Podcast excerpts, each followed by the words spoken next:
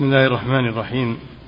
الحمد لله رب العالمين والصلاة والسلام على نبينا محمد وعلى آله وأصحابه أجمعين.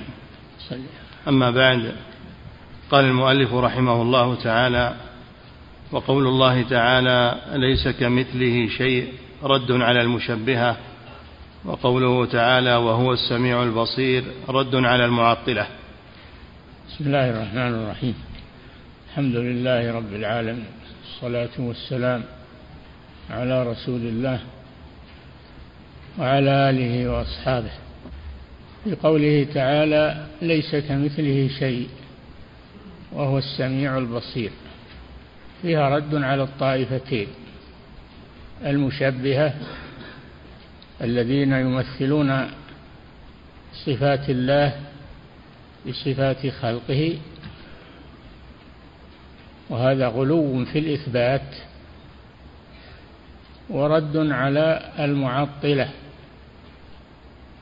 الذين ينفون عن الله أسماءه وصفاته فرارا من التشبيه لأن يقولون لأن هذه الصفات موجودة في المخلوقين السمع والبصر والكلام و فلو أثبتناها شبهنا الله بخلقه فينفونها فرارا من التشبيه فرارا من التشبيه فهم غلوا في التنزيه حتى نفوا صفات الرب سبحانه فرارا من التشبيه بزعمهم ولم يعلموا أن صفات الله خاصة به وصفات المخلوقين خاصة بهم.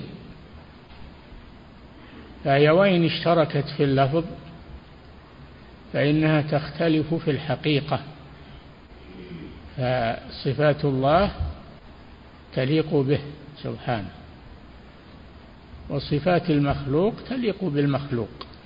لا تشابه بينهم في الحقيقة وإن تشابهت في اللفظ هذه هي القاعدة التي يخرج بها من تعطيل والتمثيل.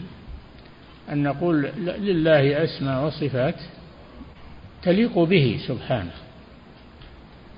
وللمخلوقين أسماء وصفات تليق بهم وإن اشتركت في اللفظ سمع بصر كلام ما أشبه ذلك. فهذا هو الطريق الصحيح ما عليه أهل السنة والجماعة. نعم. فهو سبحانه موصوف بصفات الكمال وليس له فيها شبيه. نعم صفاته لائقة بذاته سبحانه وتعالى. لائقة به وبذاته. ولا تشبه صفات المخلوقين. كما أن ذاته سبحانه لا تشبه ذوات المخلوقين. نعم. فالمخلوق وإن كان يوصف بأنه سميع بصير فليس سمعه وبصره كسمع الرب وبصره. نعم.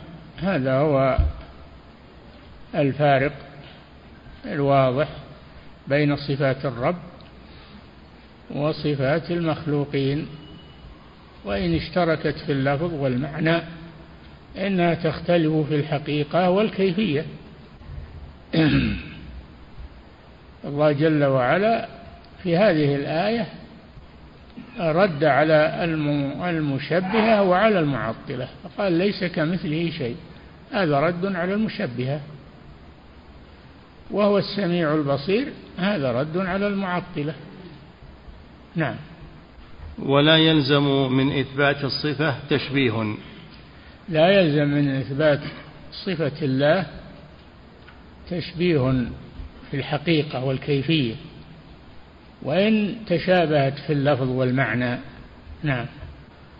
ولا يلزم من إثبات الصفة تشبيه إذ صفات المخلوق كما يليق به وصفات الخالق كما يليق به. أي نعم هذا هو الفارق. أن صفات الخالق تليق بالخالق. صفات المخلوق تليق بالمخلوق. نعم. ولا تنفي عن الله ما وصف به نفسه وما وصفه به. أعرف الخلق بربه وما يجب له وما يمتنع عليه. وأنصحهم لأمته وأفصحهم وأقدرهم على البيان. نعم. الله جل وعلا هو أعلم بنفسه. وما يليق به فأثبت لنفسه هذه الصفات. هو أعلم بنفسه وليس بعد الله أعلم بالله من الرسول صلى الله عليه وسلم. وقد أثبت الرسول هذه الأسماء والصفات فدل على أنه, أنه لا يلزم من إثباتها التشبيه. بل يقال المخلوق له صفات تليق به والخالق له صفات تليق به. نعم. فإنك إن نفيت شيئا من ذلك كنت كافرا بما أنزل على محمد صلى الله عليه وسلم. نعم إذا نفيت ما أثبته الله أو أثبته رسوله كنت كافرا بما أنزل على محمد. لأن هذه الأسماء والصفات نزلت على محمد في القرآن والرسول وصف ربه بها. فإذا نفيتها فأنت مكذب لله ولرسوله صلى الله عليه وسلم. نعم. وإذا وصفته بما وصف به نفسه فلا تشبهه بخلقه. أي نعم. وصفته بما وصف به نفسه فإنك تنفي فإنك تنفي مشابهته لخلقه سبحانه وتعالى. نعم. وإذا وصفته بما وصف به نفسه فلا تشبهه بخلقه فليس كمثله شيء. فلا تشبه بخلقه كما فعلت المشبهة والممثلة. فإن الله ليس كمثله شيء. ليس كمثله شيء أي شيء لا يشبه الله سبحانه وتعالى. نعم. فإذا شبهته بخلقه كنت كافرا به. نعم لأنك نفيت ما أثبته لنفسه وعطلت الله من أسمائه وصفاته. نعم. فإذا شبهته بخلقه كنت كافرا به قال نعيم ابن حماد الخزاعي شيخ البخاري. من شبه الله بخلقه فقد كفر. نعيم بن حماد رحمه الله هو شيخ البخاري من مشايخ الإمام البخاري. فهو عالم متضلع وإمام جليل. يقول من شبه الله بخلقه فقد كفر ومن نفى عنه ما أثبته لنفسه فقد كفر. وليس فيما أثبته لنفسه تشبيه ولا تمثيل. هذا كلام نعيم بن حماد المروزي رحمه الله. وهو كلام أهل السنة قاطبة هم على هذا. نعم. قال نعيم بن حماد الخزاعي شيخ البخاري من شبه الله بخلقه فقد كفر ومن جحد ما وصف الله به نفسه فقد كفر. وليس ما وصف الله به نفسه ولا ما وصفه به رسوله تشبيها. نعم وليس وليس ما وصف الله به نفسه ولا ما وصفه به رسوله تشبيها. تشبيها هذا خبر ليس يعني ليس تعمل عمل كان. نعم. وسيأتي في كلام الشيخ الطحاوي رحمه الله ومن لم يتوقى النفي والتشبيه زل ولم يصب التنزيه. نعم سيأتي هذا إن شاء الله. ومن لم؟ ومن لم يتوقى النفي والتشبيه زل ولم يصب التنزيه. أي نعم من نفى عن الله ما وصف به نفسه فقد زل ولم يصب. وكذلك من شبه الله بخلقه زل ولم يصب التنزيه. نعم. وقد وصف الله سبحانه وتعالى نفسه بأن له المثل الأعلى. نعم. ولله المثل الأعلى. وهذا ما يسمى بقياس قياس الشبه. فلا يقاس الله بخلقه لا قياس علة ولا قياس شبه. الله جل وعلا لا يشبه خلقه ولا يشبهه خلقه في شيء من الأشياء. نعم. وقد وصف الله تعالى نفسه بأن له المثل الأعلى فقال تعالى للذين لا يؤمنون بالآخرة مثل السوء ولله المثل الأعلى. للذين لا يؤمنون بالآخرة يعني بالبعث مثل السوء أي صفة السوء والقبح. ولله المثل الأعلى فكل كمال ثبت للمخلوق لا يستلزم نقصا فالخالق أولى به. كل كمال ثبت للمخلوق لا يستلزم نقصا فالخالق أولى به سبحانه وتعالى لأنه هو الذي منح هذا للمخلوق فهو أولى به. نعم. وقال تعالى وله المثل الأعلى في السماوات والأرض وهو العزيز الحكيم. وله المثل الأعلى مثل الأعلى الذي لا يشبهه شيء. وله المثل الأعلى في السماوات وفي الأرض. له المثل الأعلى في السماوات والأرض وهو العزيز الحكيم. فلا أحد يشبهه لا ولا يقاس بخلقه لا قياس شمول ولا قياس علة. نعم. فجعل سبحانه مثل السوء المتضمن للعيوب والنقائص وسلب الكمال لأعدائه المشركين وأوثانهم. للذين لا يؤمنون بالآخرة مثل السوء أي المثل القبيح الباطل. ثم قال ولله المثل الأعلى. الذي لا يشابهه فيه أحد. نعم. وأخبر أن المثل الأعلى المتضمن لإثبات الكمال كله لله وحده. نعم. فمن سلب صفات الكمال عن الله تعالى فقد جعل له مثل السوء. نعم. ونفى عنه ما وصف به نفسه من المثل الأعلى. وهؤلاء هم المعطلة. نعم.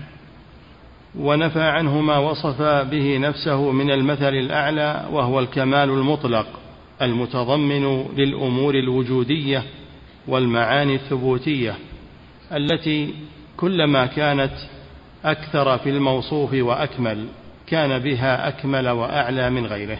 نعم. ولما كانت صفات الرب سبحانه وتعالى أكثر وأكمل كان له المثل الأعلى. وكان أحق به من كل ما سواه. نعم. بل يستحيل أن يشترك في المثل الأعلى المطلق اثنان لأنهما إن تكافأ من كل وجه لم يكن أحدهما أعلى من الآخر وإن لم يتكافأ فالموصوف به أحدهما وحده. فيستحيل أن يكون لمن له المثل الأعلى مثل أو نظير. إيه نعم. ولله المثل الأعلى. لا يشاركه فيه أحد. المثل الأعلى تدخل فيه الأسماء والصفات التي أثبتها لنفسه سبحانه وتعالى. نعم. واختلفت عبارات المفسرين في المثل الأعلى. ووفق بين أقوالهم ووفق بين أقوالهم بعض من وفقه الله وهداه. نعم. فقال المثل الأعلى يتضمن الصفة العليا وعلم العالم وعلم العالمين بها ووجودها العلمي والخبر عنها وذكرها وعبادة الرب تعالى بواسطة العلم والمعرفة القائمة بقلوب عابديه وذاكريه فها هنا أمور أربعة. الأول ثبوت الصفات العليا لله سبحانه. كما أثبتها لنفسه وكما أثبتها له رسوله صلى الله عليه وسلم. نعم. الأول ثبوت الصفات العليا لله سبحانه سواء علمها العباد أو لا. سواء علمها العباد أو لا. الله جل وعلا له أسماء استأثر بعلمها ولم يبينها لخلقه. ولهذا يقول صلى الله عليه وسلم أسألك بكل اسم يخاطب ربه أسألك بكل اسم سميت به نفسك أو أنزلته في كتابك أو علمته أحدا من خلقك أو استأثرت به في علم الغيب عندك.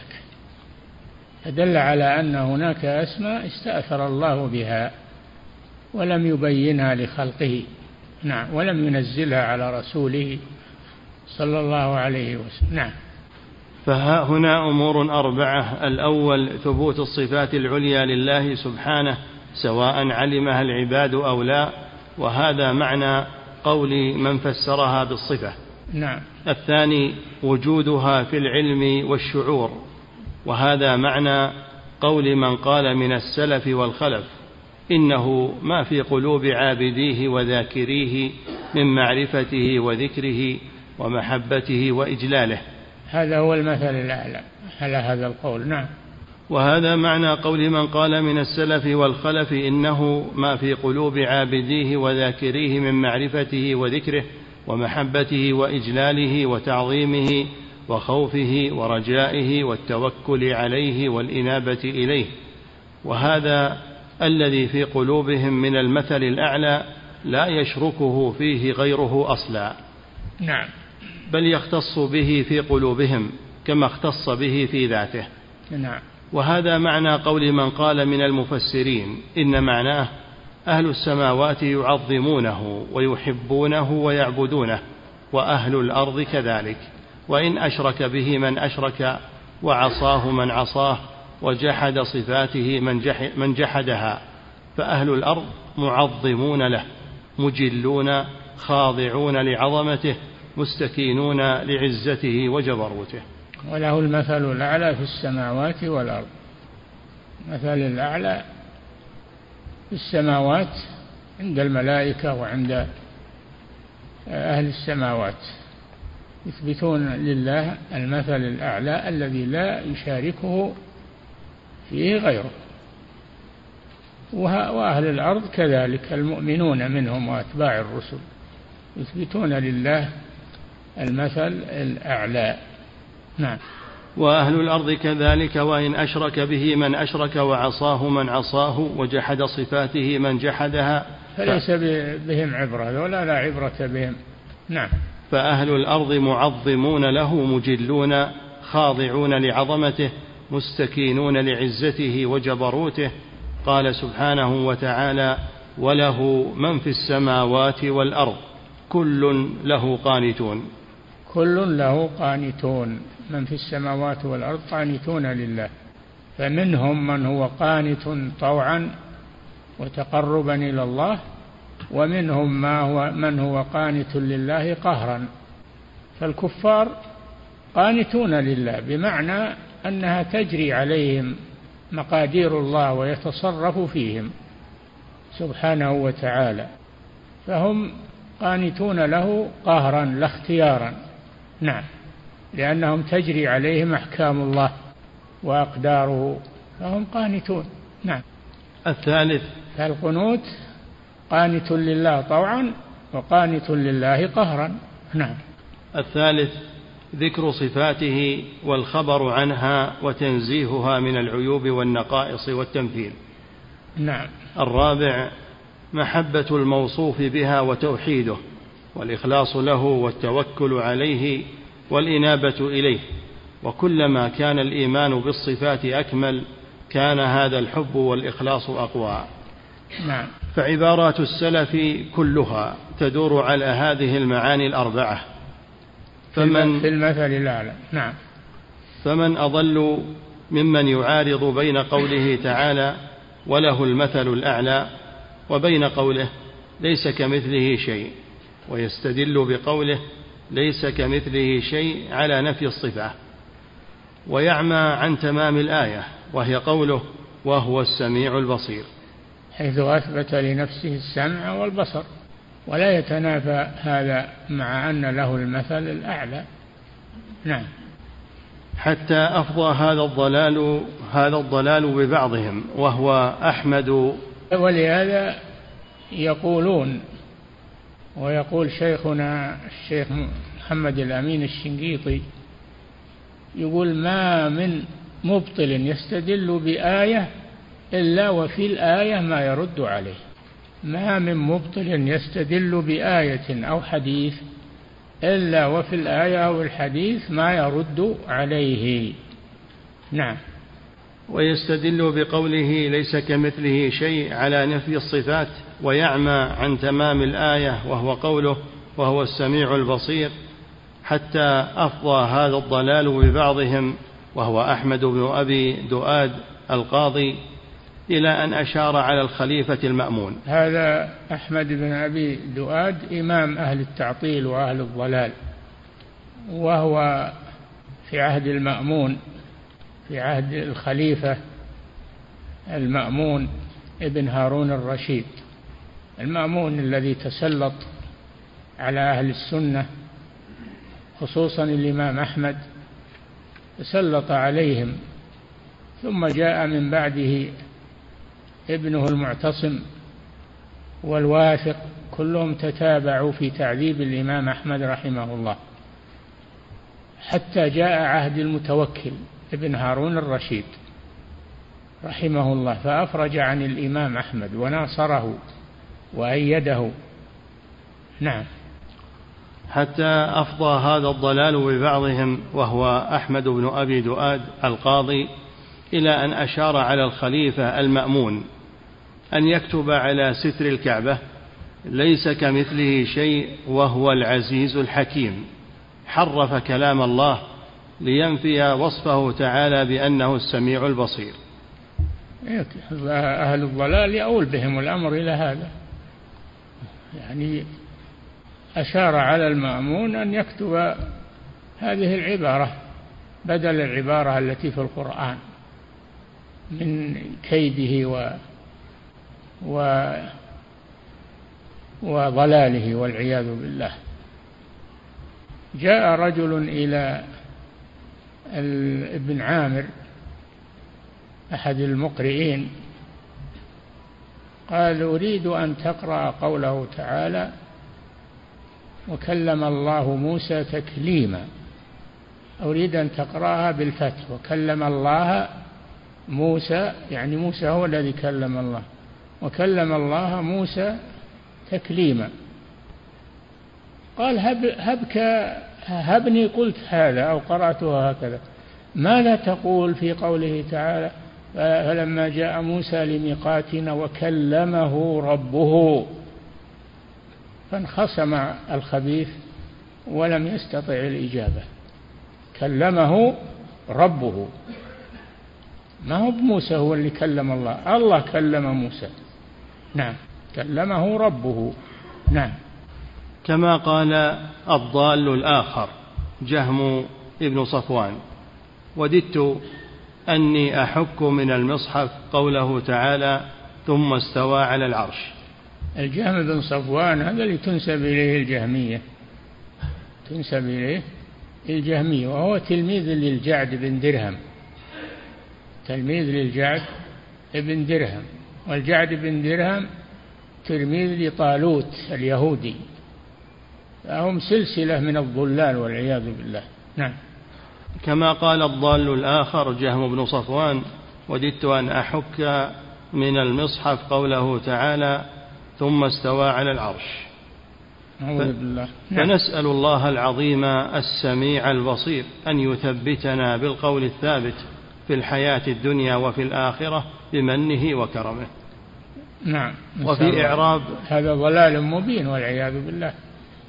يريدون أن يتصرفوا في القرآن ليوافق أهواءهم. يريدون أن يتصرفوا في كلام الله ليوافق أهواءهم وضلالهم. لكن يأبى الله إلا أن يتم نوره ولو كره الكافرون. نعم. وفي إعراب كمثله وجوه أحدها أن الكاف صلة زيدت للتأكيد. ليس مثله يعني ليس مثله شيء. زيدت الكاف هذه للتأكيد زيادة للتأكيد كمثله. نعم. والأصل ليس مثله شيء. نعم. أحدها أن الكاف صلة زيدت للتأكيد. قال أوس ابن حجر ليس كمثل الفتى زهير خلق يوازيه في الفضائل. ليس كمثل الفتى هذا في شعر العرب. هذه الصيغة وجاءت في القرآن ليس كمثله شيء. نعم. وقال الآخر ما إن كمثلهم في الناس من بشر. نعم. وقال آخر وقتلى كمثل جذوع النخيل. فيكون نعم. فتكون هذه العبارة جاءت في لغة العرب ليس كمثله. نعم. فيكون مثله خبر ليس واسمها شيء. وهذا وجه قوي حسن. نعم ليس مثله شيء. ليس ليس مثله شيء. ليس من أخوات كان. ليس من أخوات كان. ترفع المبتدأ وتنصب الخبر. فليس كمثله شيء. أي ليس مثله شيء. زيدت الكاف للتأكيد. فقال سبحانه ليس كمثله شيء. نعم. والأصل ليس مثله شيء. نعم. أو ليس مثله بالفتح خبر ليس. نعم. وشيء اسمه مؤخر. نعم. فيكون مثله خبر ليس واسمها شيء. إيه، نعم. وهذا وجه قوي حسن. تعرف العرب معناه في لغتها ولا يخفى عنها إذا خوطبت به. نعم. وقد جاء عن العرب أيضا زيادة الكاف للتأكيد في قول بعضهم وصاليات ككما يؤتفينا. وقول ككما. الكاف الأولى زائدة نعم. وقول الآخر فأصبحت مثل كعصف مأكول. مثل مثل كعصف مثل فأصبحت مثل كعصف مأكول. مثل هذه زائدة أصله ليس آه، أصله كعصف مأكول. نعم. الوجه الثاني. والعصف والعصف هو التبن. العصف هو التبن. والحب ذو العصف الريحان. نعم. الريحان الورق والعصف التبن إذا يبس. نعم. الوجه الثاني أن الزائد مثل أي ليس كهو شيء وهذا, نعم. وهذا القول بعيد. الأول هو الصحيح نعم. وهذا القول بعيد لأن مثل اسم والقول بزيادة الحرف للتأكيد أولى من القول بزيادة الاسم. ما أنا اسم يأتي زائد إنما الحرف هو اللي يأتي زائد. نعم. الوجه الثالث أنه ليس ثم زيادة أصلا بل هذا من باب قولهم مثلك لا يفعل كذا أي أنت لا تفعله. نعم. وأتى بمثل للمبالغة. وقالوا في معنى المبالغة هنا أي ليس لمثله مثل لو فرض المثل فكيف ولا مثل له؟ نعم. وقيل غير ذلك والأول أظهر. الأول وهو؟ الأول سلمك الله أنها زائدة. أنها زائدة للتأكيد. نعم. صلة زيدة للتأكيد. نعم. قال الإمام الطحاوي رحمه الله خلق الخلق بعلمه. نعم ألا يعلم من خلق؟ وهو اللطيف الخبير؟ خلق الخلق بعلمه سبحانه وتعالى. نعم. قال الشارح خلق أي أوجد وأنشأ وأبدع. نعم. ويأتي خلق أيضا بمعنى قدر. أي نعم.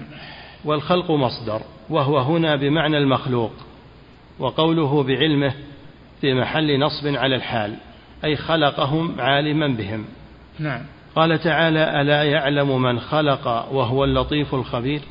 نعم فهذا الخلق المتقن هذا الخلق الواسع المتقن المنتظم يدل على علم الخالق سبحانه وتعالى يدل على علم الله عز وجل الذي أبدعه وأوجده. منتظما لا يختلف في آلاف السنين لم يختلف منذ خلقه الله سبحانه وتعالى على نظام الرب سبحانه وتعالى لم يختلف. نعم. قال تعالى ألا يعلم من خلق وهو اللطيف الخبير؟ وقال تعالى وعنده مفاتح الغيب لا يعلمها إلا هو. وعنده مفاتح الغيب لا يعلمها إلا هو. مفاتح الغيب قالوا هي المذكورة في سورة لقمان. وما, وما تدري نفس ماذا تكسب غدا وما تدري نفس بأي أرض تموت. الآية. نعم. وعنده مفاتح الغيب لا يعلمها إلا هو ويعلم ما في البر والبحر. نعم. وما تسقط من ورقة إلا يعلمها. نعم. ولا حبة في ظلمات الأرض ولا رطب ولا يابس إلا في كتاب مبين. الذي هو اللوح المحفوظ. نعم. وهو مع علم الله به المحيط فهو مكتوب أيضا في اللوح المحفوظ. نعم. وهو الذي يتوفاكم بالليل ويعلم ما جرحتم بالنهار. توفاكم بالليل يعني النوم. النوم وفاة. وفاة صغرى. توفاكم بالليل يعني تنامون. وهو الذي يتوفاكم بالليل. ويعلم ما جرحتم. ما جرحتم يعني ما اكتسبتم بجوارحكم. ما كسبتم بجوارحكم. في النهار فهو الذي يتوفاكم بالليل وفاة النوم. ثم يبعثكم فيه يوقظكم من النوم. ليقضى أجل مسمى. آجالكم. وأعماركم. نعم. ويعلم ما جرحتم بالنهار ثم يبعثكم فيه ليقضى أجل مسمى ثم إليه مرجعكم ثم ينبئكم بما كنتم تعملون. نعم. وفي ذلك رد على المعتزلة. قال الإمام عبد العزيز المكي. الكناني الإمام المشهور عبد. عبد العزيز الكناني الذي أفحم الذي أفحم هؤلاء. أفحمهم ولم يستطيعوا مقابلته لما ناظرهم. نعم. وفي ذلك رد على المعتزلة. قال الإمام عبد العزيز المكي صاحب الإمام الشافعي رحمه الله وجليسه. العزيز الكناني نعم. صاحب الإمام الشافعي رحمه الله وجليسه في كتاب الحيدة. الذي حكى فيه مناظرته بشرا المريسي. كتاب الحيدة أن بشرا لما ناظره عبد العزيز الكناني حاد عن الجواب. سمي كتاب الحيدة وهو مطبوع. الكتاب مطبوع وموجود والحمد لله. نعم. في كتاب الحيدة الذي حكى فيه مناظرته بشرا المريسي عند المأمون حين سأله عن علمه تعالى فقال بشر أقول لا يجهل. فجعل يكرر السؤال عن صفة العلم تقريرا له وبشر يقول لا يجهل ولا يعترف له أنه عالم بعلم. نعم. فقال الإمام عبد العزيز نفي الجهل لا يكون صفة مدح. فإن قولي هذه الاسطوانة لا تجهل ليس هو إثبات العلم لها. وقد مدح الله تعالى الأنبياء والملائكة والمؤمنين بالعلم لا بنفي الجهل. فمن أثبت العلم فقد نفى الجهل ومن نفى الجهل لم يثبت العلم. نعم. وعلى الخلق أن يثبتوا ما أثبته الله تعالى لنفسه وينفوا ما نفاه ويمسك عما أمسك عنه. من جملة ما احتج به المبطل أن الله قال جعل. جعل يعني معناها صير والتصيير هذا يتغير و فقال له عبد العزيز الكناني قوله تعالى لا تجعلوا الله فلا تجعلوا الله ولا تجعلوا الله عرضة لأيمانكم يعني معناه لا تصي لا تخلق الله فأفهمه. فليست جعل دائما معناها خلق. جعل لها معاني. وهو يقول لا جعل معناها خلق. خلق نعم.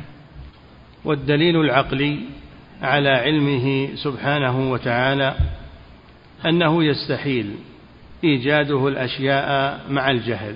أي نعم أن تنظر إلى هذه الأشياء المحكمة المتقنة هل يعني أوجدها بغير علم؟ ما ألا يعلم من خلق؟ وهو اللطيف الخبير. ما أوجدها إلا بعلم سبحانه وتعالى. نعم.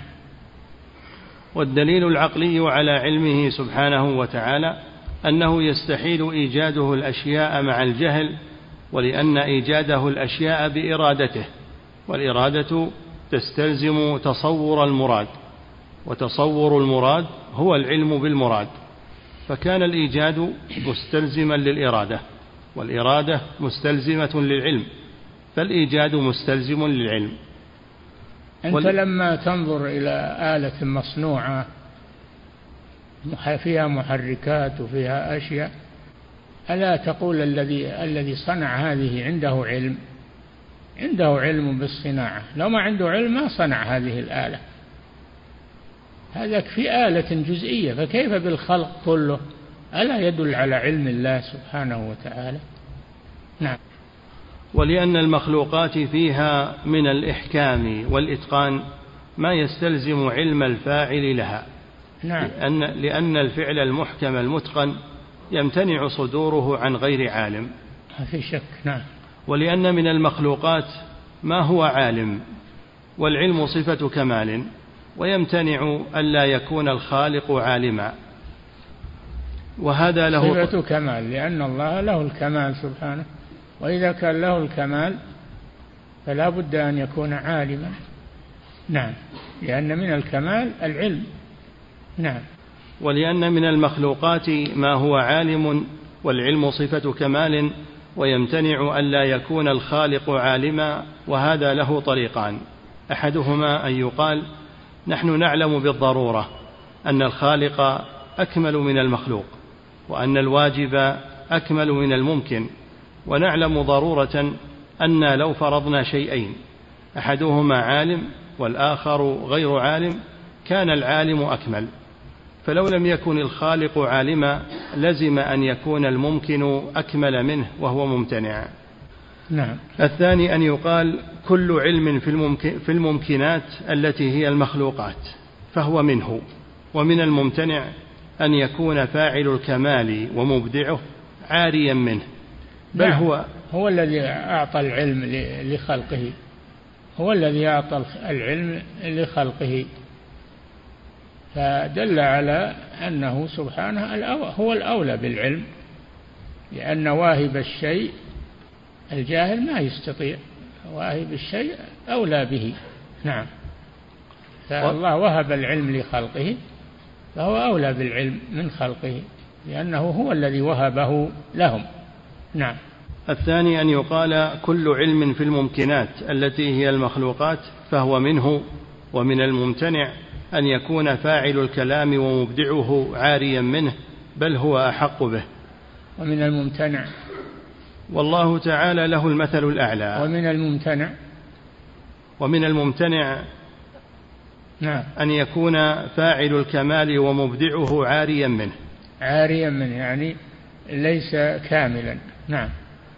ومن الممتنع أن يكون فاعل الكمال ومبدعه عاريا منه بل هو أحق به. نعم. والله تعالى له المثل الأعلى. لا يستوي هو والمخلوقات. لا في قياس تمثيل ولا في قياس شمول. بل كل ما ثبت للمخلوق من كمال فالخالق به أحق. كل ما ثبت.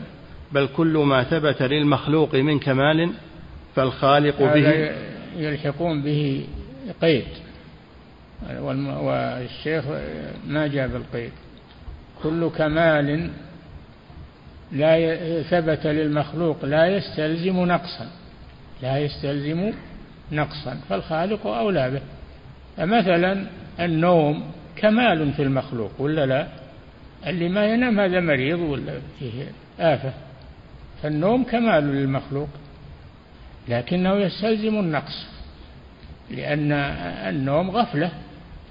النوم كمال في المخلوق يستلزم النقص يدل على أن المخلوق ناقص. اللي ينام يحتاج للنوم هذا ناقص ما في شك. فلا بد من هذا القيد. كل كمال لا يس... كل كمال ثبت للمخلوق لا يستلزم نقصا فالخالق أولى به. نعم. والله تعالى له المثل الأعلى لا يستوي هو والمخلوقات لا في قياس تمثيل ولا في قياس شمول بل كل ما ثبت للمخلوق من كمال فالخالق به أحق وكل نقص تنزه عنه مخلوق ما فتنزيه الخالق عنه أولى. نعم. قال الإمام الطحاوي رحمه الله وقدر لهم أقدارا. قدر الله لهم أي للخلق أقدارا. قدرها في اللوح المحفوظ فهم يمشون عليها لا تتخلف ولا تتغير. نعم. قال الشارح قال تعالى وخلق كل شيء فقدره تقديرا. خلق الله جل وعلا كل شيء. الله هو الخالق الله خالق كل شيء وهو على كل شيء وكيل. نعم أعدها وخلق كل شيء فقدره تقديرا. نعم الله جل وعلا قال عن نفسه أنه خلق كل شيء فقدره تقديرا يعني في اللوح المحفوظ كتبه. نعم. وقال تعالى إنا كل شيء خلقناه بقدر. نعم مثل خلق كل شيء فقدره تقديرا. إنا كل شيء خلقناه بقدر. نعم.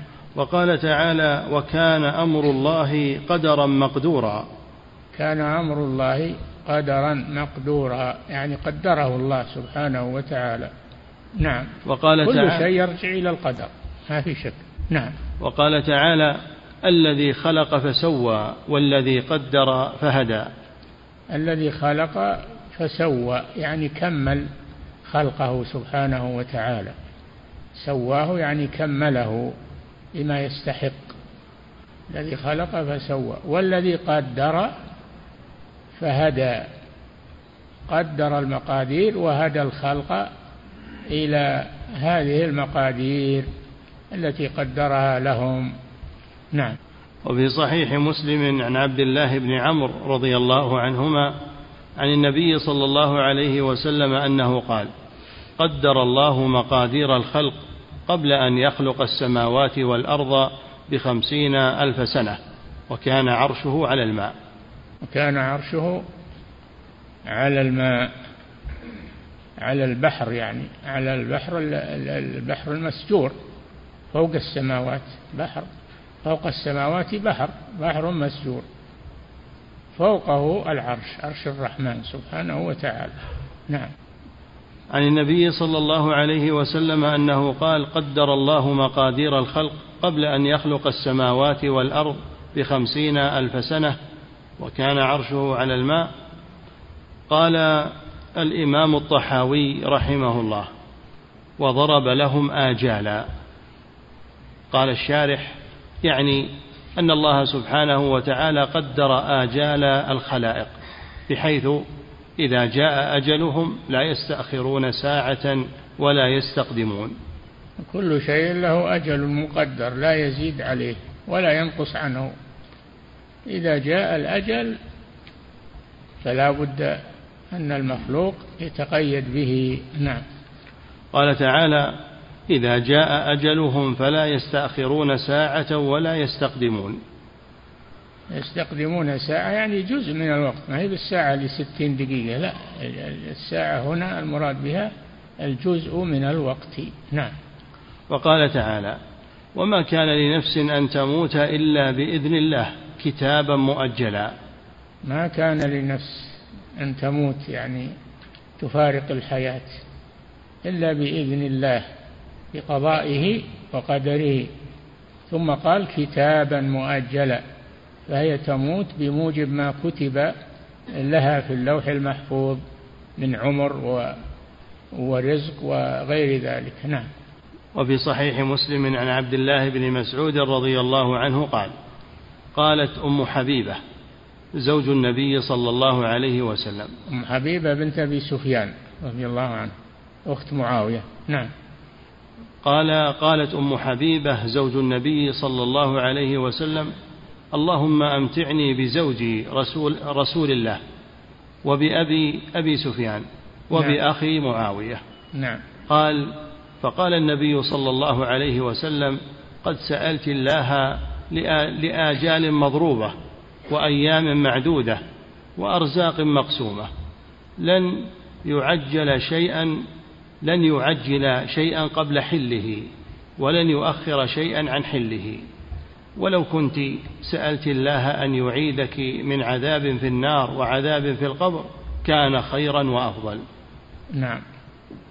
فالمقتول ميت بأجله فعلم الله تعالى وقدر وقضى أن هذا يموت بسبب المرض وهذا بسبب القتل وهذا بسبب الهدم وهذا بالحرق وهذا بالغرق إلى غير ذلك من الأسباب. والله سبحانه هذا يقول الشاعر ومن لم يمت بحد السيف مات بغيره تعددت الأسباب والموت واحد. نعم. والله سبحانه خلق الموت والحياة وخلق سبب الموت والحياة. أي الحياة لها سبب والموت له سبب. نعم كل شيء له سبب. نعم. وعند المعتزلة المقتول مقطوع عليه أجله ولو لم يقتل لعاش لأنهم ينفون القدر المعتزلة ينفون القدر. نعم. ولو لم يقتل لعاش إلى أجله فكان له أجلان وهذا باطل. له أجلان؟ ما له إلا أجل واحد. نعم. وهذا باطل لأنه لا يليق أن ينسب إلى الله تعالى أنه جعل له أجلا يعلم أنه لا يعيش إليه البتة.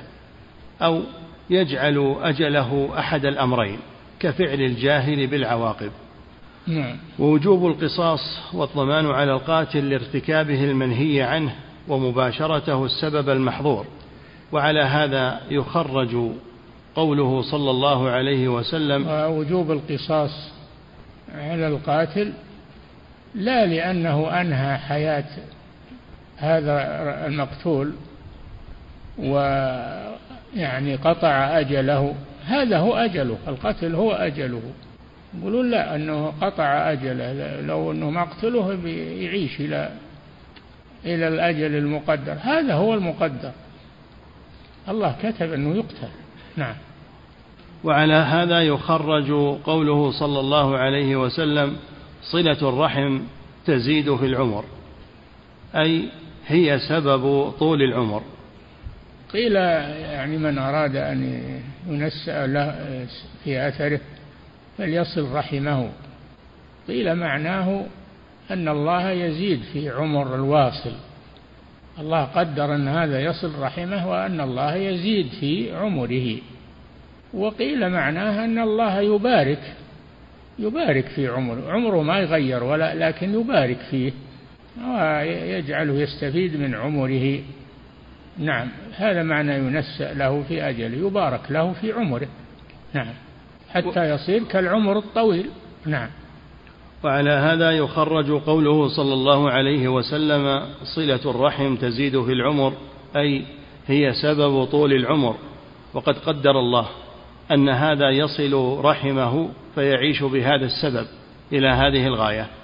ولولا ذلك السبب لم يصل إلى هذه الغاية.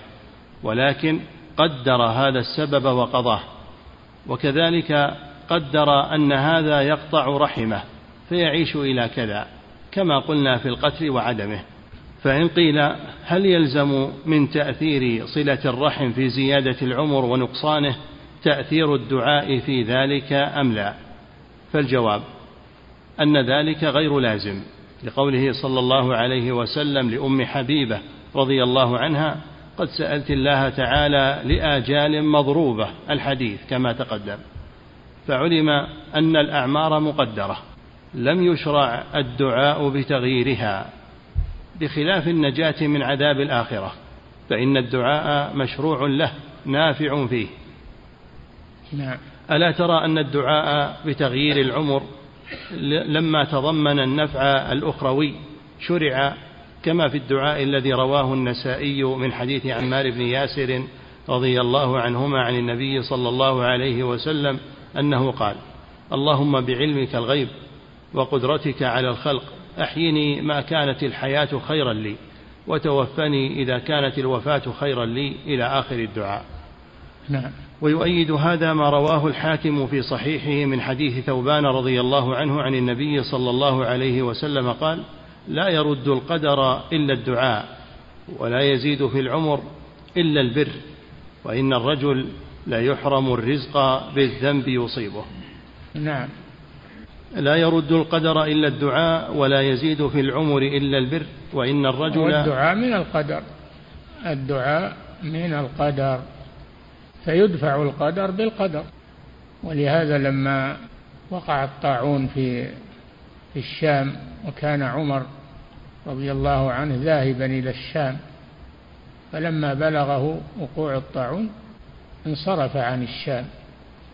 فقال له أبو عبيدة بن الجراح تفر من قدر الله؟ قال نعم نفر من قدر الله إلى قدر الله. نعم. لا يرد القدر إلا الدعاء ولا يزيد في العمر إلا البر وإن الرجل ليحرم الرزق بالذنب يصيبه.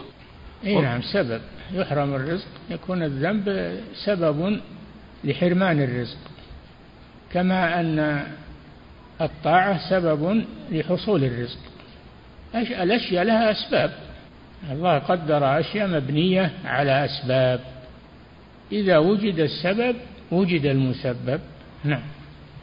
وفي الحديث رد على من يظن أن الندر سبب في دفع البلاء وحصول النعماء. ولهذا قال صلى الله عليه وسلم إن النذر لا يأتي بخير يعني لا يدفع أجلا ولا يأتي برزق وإنما يستخرج به من البخيل. اللي ما يفعل الطاعة إلا كود بنذر ما يفعلها ابتداء ورغبة فيها. نعم. وفي الحديث رد على من يظن أن النذر سبب في دفع البلاء وحصول النعماء وقد ثبت في الصحيحين عن النبي صلى الله عليه وسلم أنه نهى عن النذر وقال إنه لا يأتي بخير وإنما يستخرج به من البخيل. يخرج به من البخيل اللي ما يفعل الطاعة إلا كود ينذر نعم. واعلم أن الدعاء يكون مشروعا نافعا في بعض الأشياء دون بعض. واعلم تقف عليها. نعم. فضيلة الشيخ وفقكم الله في كلام نعيم ابن حماد الخزاعي رحمه الله من شبه الله بخلقه فقد كفر. إلى آخره. هل المراد الكفر الأكبر المخرج من الملة؟ إيه نعم. إيه نعم المراد الكفر الأكبر. شبه الله بخلقه فقد كفر. ومن نفى عن الله ما وصف به نفسه فقد كفر. كفر المخرج من الملة. لأنه معارض لله عز وجل. نعم. فضيلة الشيخ وفقكم الله هذا سائل يقول هل المشبهة والمعطلة يقال بأنهم خارجون من دائرة الإسلام تماما؟ هم مقلدة أكثر مقلدة. أما إذا تعمدوا يخرجون من دائرة الإسلام لكنهم ما تعمدوا هم مقلدة أكثر هم مقلدة لمن قبلهم. توارثوا هذا هذا المذهب ومشوا عليه. ولم يبين لهم أو يتبين لهم بطلان هذا الشيء. الله أعلم بأحوالهم. ما نكفرهم. نعم. فضيلة الشيخ وفقكم الله في قوله عز وجل وهو الذي في السماء إله وفي الأرض إله.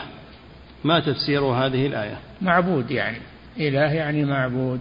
وهو الذي في السماء إله وفي الأرض إله أنه معبود في السماء ومعبود في الأرض سبحانه وتعالى. نعم. إله يعني مألوه. إله مألوه يعني معبود. نعم. فضيلة الشيخ وفقكم الله جاء عن إمام الحرمين أنه قال ليتنا نموت على عقائد عجائز نيسابور. يقول ما مقصوده بعقائد هؤلاء العجائز؟ أنهم ما دخلوا في علم الكلام والجدل. يتمنى أنهم ما دخلوا في علم الجدل وعلم الك وأنهم على الفطرة مثل العجائز على فطرتهم. نعم. هذا فيه دليل على بطلان علم الكلام وأنه لا يؤدي إلا إلى الحيرة والاضطراب. نعم. فضيلة الشيخ وفقكم الله هذا سائل يقول القول بالاتحادية وبالحلول هل يعد أمرا كفريا؟ ما في شك. اللي يقول بالحلول أن الله حال في خلقه حلولية كفار ما في شك. والاتحادية اللي أصحاب وحدة الوجود أصحاب وحدة الوجود كابن عربي وأشباهه هذا إلحاد هذا أكفر أهل الأرض. يقول ابن عربي هو أكثر أهل الأرض.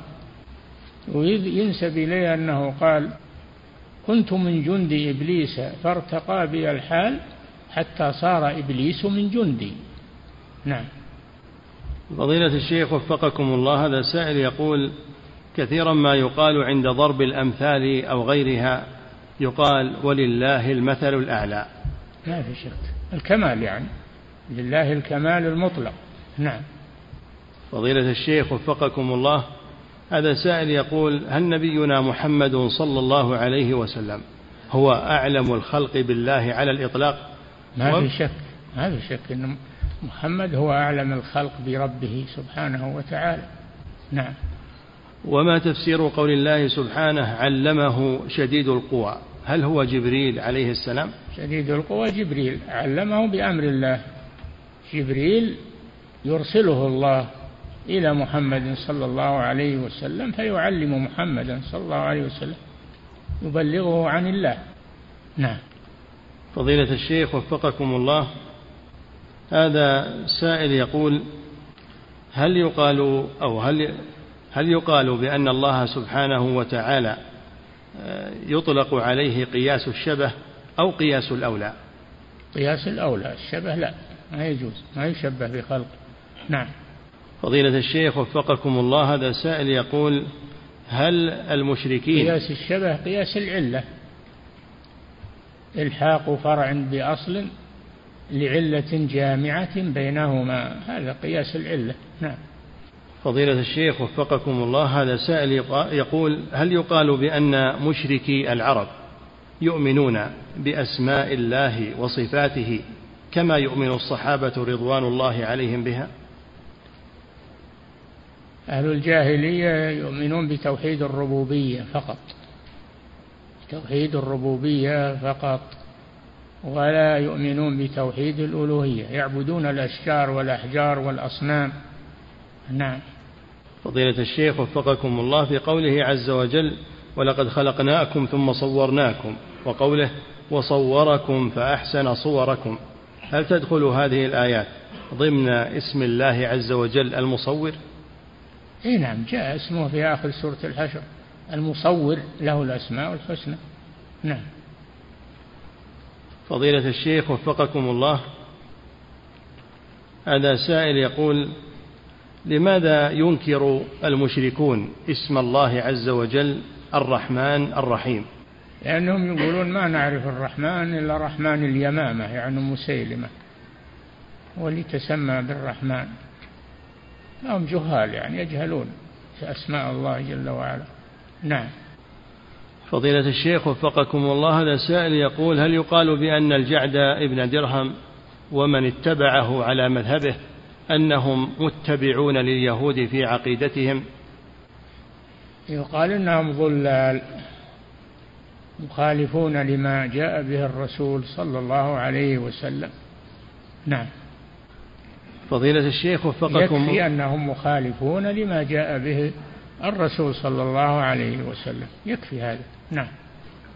فضيلة الشيخ وفقكم الله لماذا بشر المريسي وغيره من المعتزلة ينفون صفة العلم عز وجل صفة العلم عن الله عز وجل ويقولون لا يجهل ولا يقولون إنه يعلم؟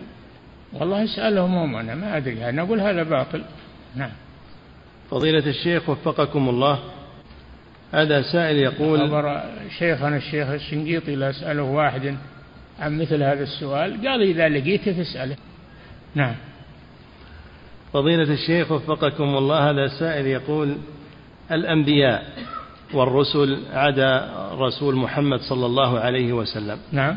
يقول الأنبياء والرسل عدا رسولنا محمد صلى الله عليه عدا وسلم. عدا إيش؟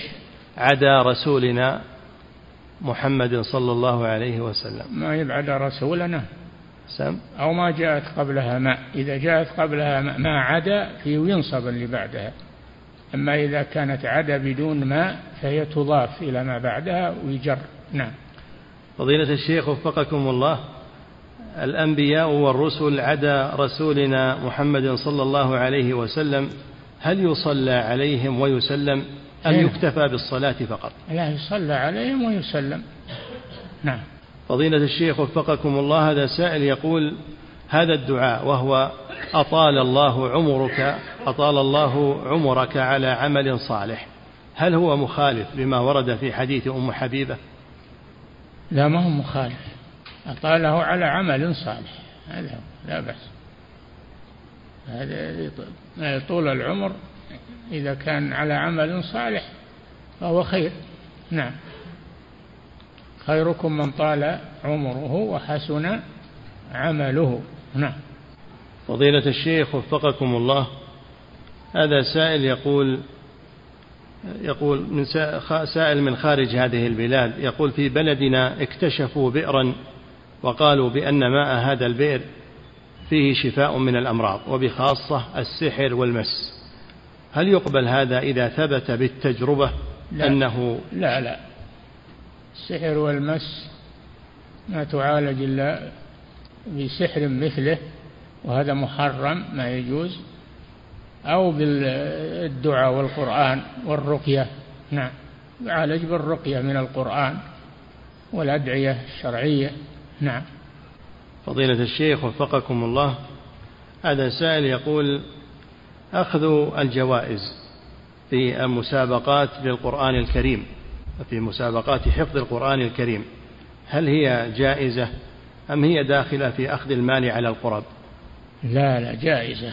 قال صلى الله عليه وسلم إن أحق ما أخذتم عليه أجرا كتاب الله.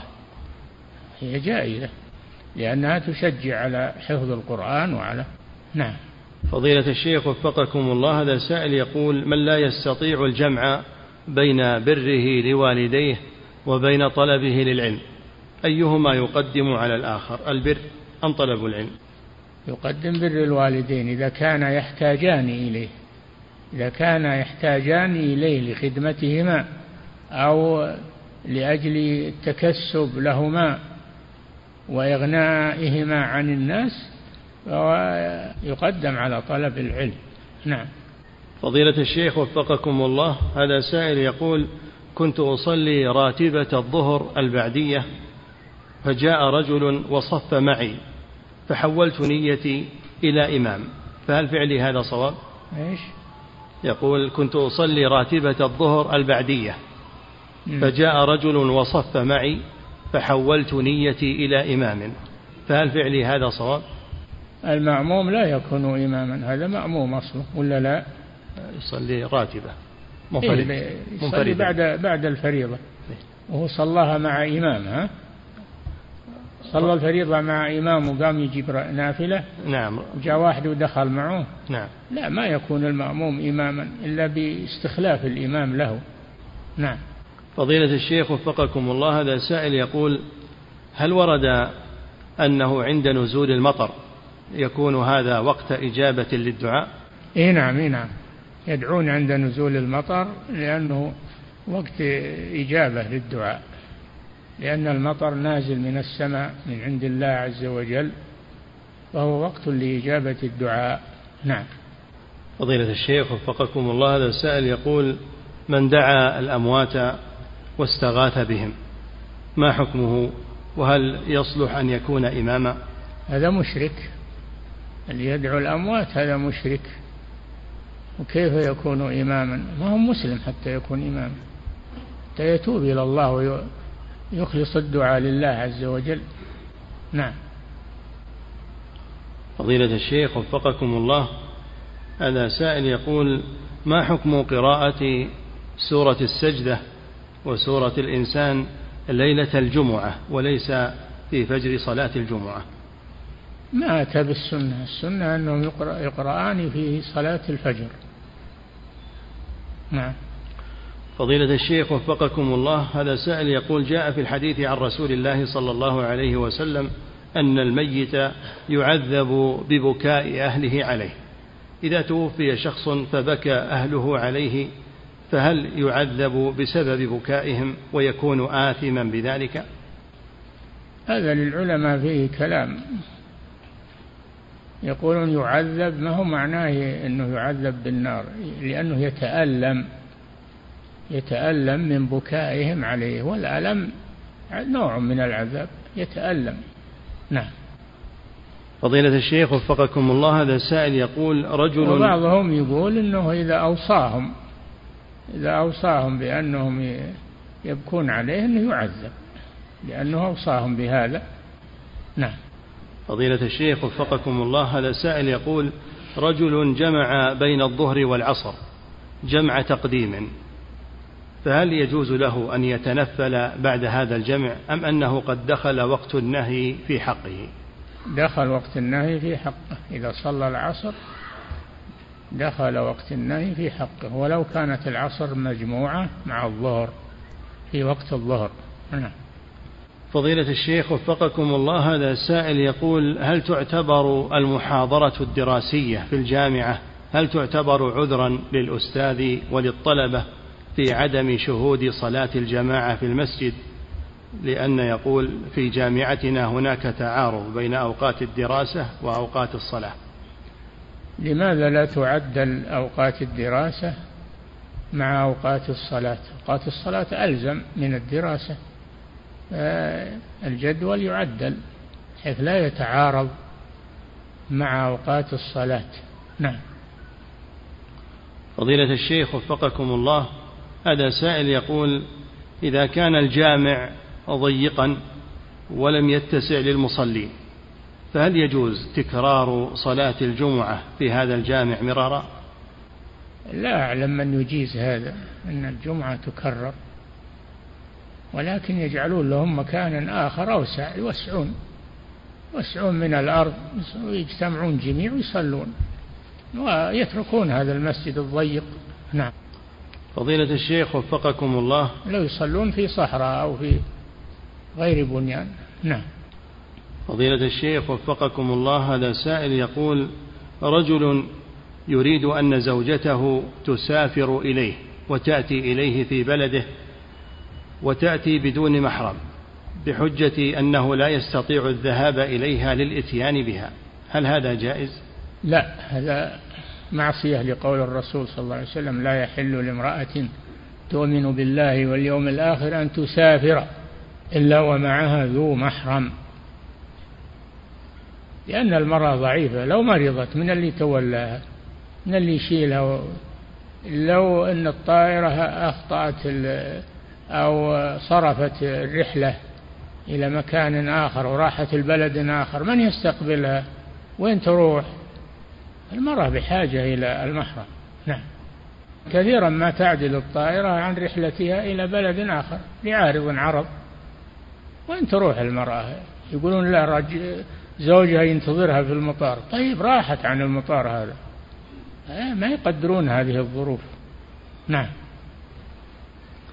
فضيلة الشيخ وفقكم الله هذا سائل يقول منذ فترة طويلة وأنا أقرأ الفاتحة في الصلاة أثناء سكتات الإمام على رؤوس آيات سورة الفاتحة فإذا قال الإمام الحمد لله رب العالمين وسكت قلت بعده مباشرة الحمد لله رب العالمين وهكذا فقيل لي إن هذا غير صحيح. أي نعم غير صحيح.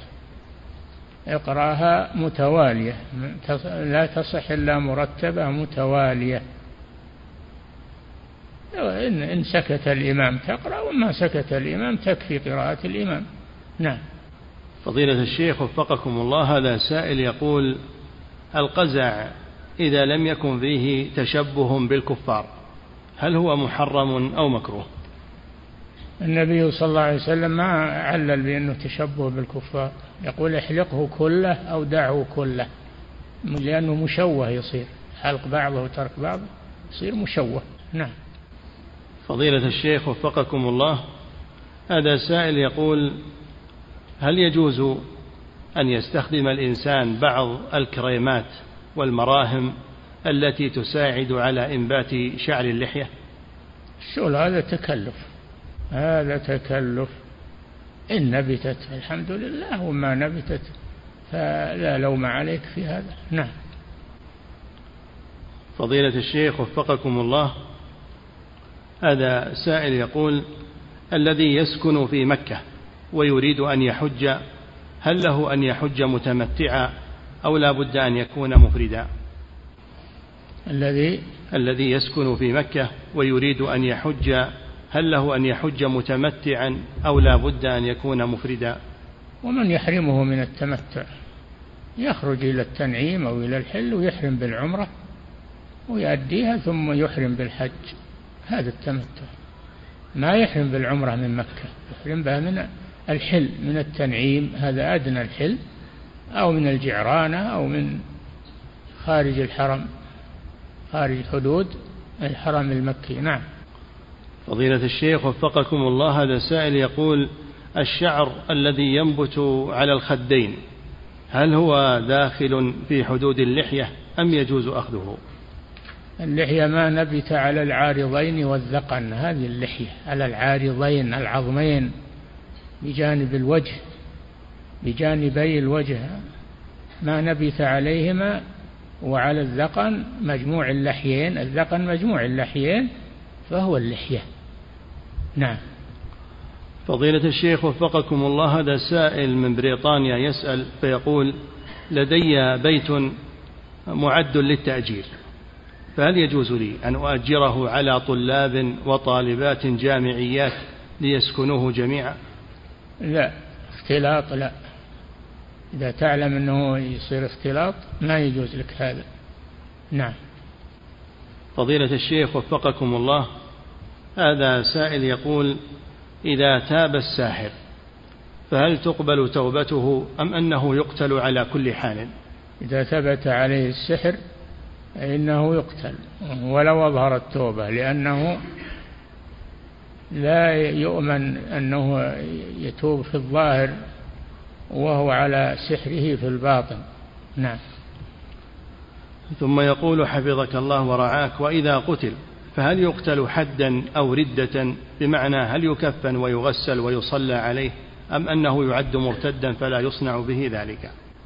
والله هذا يحتاج إلى تأمل. لو كتبت السؤال وأرسلته للإفتاء ينظرون فيه. نعم. فضيلة الشيخ وفقكم الله هذا سائل يقول إذا دخلت والإمام في السجود فأكبر تكبيرة الإحرام فهل أقرأ دعاء الاستفتاح أم أنني أسجد معه مباشرة؟ تكبر تكبيرة الإحرام وتنحط للسجود والاستفتاح هذا سنة. فات محلها. نعم. فضيلة الشيخ وفقكم الله. هذا سائل يقول بالنسبة حفظكم الله لقراءة الفاتحة هل هي واجبة على المأموم في الصلاة السرية؟ إي نعم. القول الصحيح أنها واجبة على المأموم في الصلاة السرية. نعم. فضيلة الشيخ وفقكم الله. هذا سائل من فرنسا يقول إنه يصلي الجمعة في الجامع أما بقية الصلوات فإنه يصليها داخل العمل. هل فعله هذا صحيح؟ والله يصلي منفرد ما عنده جماعة. يصلي مع الجماعة ولا ينفرد. نعم. فضيلة الشيخ وفقكم الله هذا سائل يقول أنا رجل عامي. وأدعو في الصلاة بدعاء عامي تلقائي فقيل لي إن صلاتك باطلة أو تبطل بهذا الدعاء فلا بد من أن يكون الدعاء واردا فهل هذا القول صحيح؟ ما ندري وش هو الدعاء هذا. نحكم عليه وأن ما, ما سمعناه نعم. فضيلة الشيخ وفقكم الله هذا سائل يقول بالنسبة للوضوء هل يجوز بالنسبة للوضوء؟ هل يجوز للإنسان أن يغسل يديه مرة واحدة ثم يغسل وجهه ثلاث مرات فأحيانا مرة وأحيانا ثلاث وأحيانا اثنتين؟ الواجب مرة وما زاد عليها إلى الثلاث هذا سنة وما زاد عن الثلاث فهو بدعة. نعم. فضيلة الشيخ وفقكم الله هذا سائل يقول كيف يستطيع الإنسان المسلم أن يحقق الخشوع في صلاته ويصل إلى أن تنهاه صلاته عن الفحشاء والمنكر. يسأل ربه هذا يسأل ربه يدعو ربه ويحضر إلى الصلاة وهو على استعداد للصلاة ولا يكون عنده شواغل تشغله الله جل وعلا يمن عليه بالخشوع. إذا أزال الأسباب التي تتنافى مع الخشوع. ولهذا لا صلاة بحضرة طعام ولا صلاة وهو يدافعه الأخبثان البول والغائط ولا صلاة في أرض حارة شديدة الحرارة أو شديدة البرودة. كلها الأسباب لأنها تتنافى مع الخشوع. نعم. فضيلة الشيخ وفقكم الله هذا سائل يقول إذا كانت المرأة في شعر رأسها شيب فهل يجوز لها أن تصبغ هذا الشيب باللون الأسود من أجل زوجها؟ لا الصبغ بالسواد ما يجوز لا للرجال ولا للنساء إنما تصبغه بشيء غير السواد الخالص. سواد غير خالص لا بأس لكن سواد خالص لا. نعم. لا للرجل ولا للمرأة. نعم. فضيلة الشيخ وفقكم الله هذا سائل يقول الأعمال الصالحة هل تكفر الكبائر أم أن الكبائر تحتاج إلى توبة؟ لا بد من توبة. إن تجتنبوا كبائر ما تنهون عنه نكفر عنكم سيئاتكم. الصغائر تكفر باجتناب الكبائر. وأما أن أن الكبائر أن أن الكبائر تكفر فلا تكفر إلا بالتوبة. نعم. فضيلة الشيخ وفقكم الله هذا سائل يقول هل يجوز القسم بقول أقسم بآيات الله؟ أي نعم يجوز الإقسام بآيات الله التي هي القرآن أما آيات الله الجبال وهذه من آيات الله أو البحر أو لا يجوز هذا. أما إن كان قصدك بآيات الله يعني آيات القرآن فلا بأس بذلك. نعم. وكذلك حفظك الله يسأل فيقول هل يجوز لي أن أقسم بهذه العبارة ورب المصحف؟ لا. ما تقول ورب المصحف. المصحف ما هو بعبد. المصحف كلام الله سبحانه وتعالى. نعم. انتهى.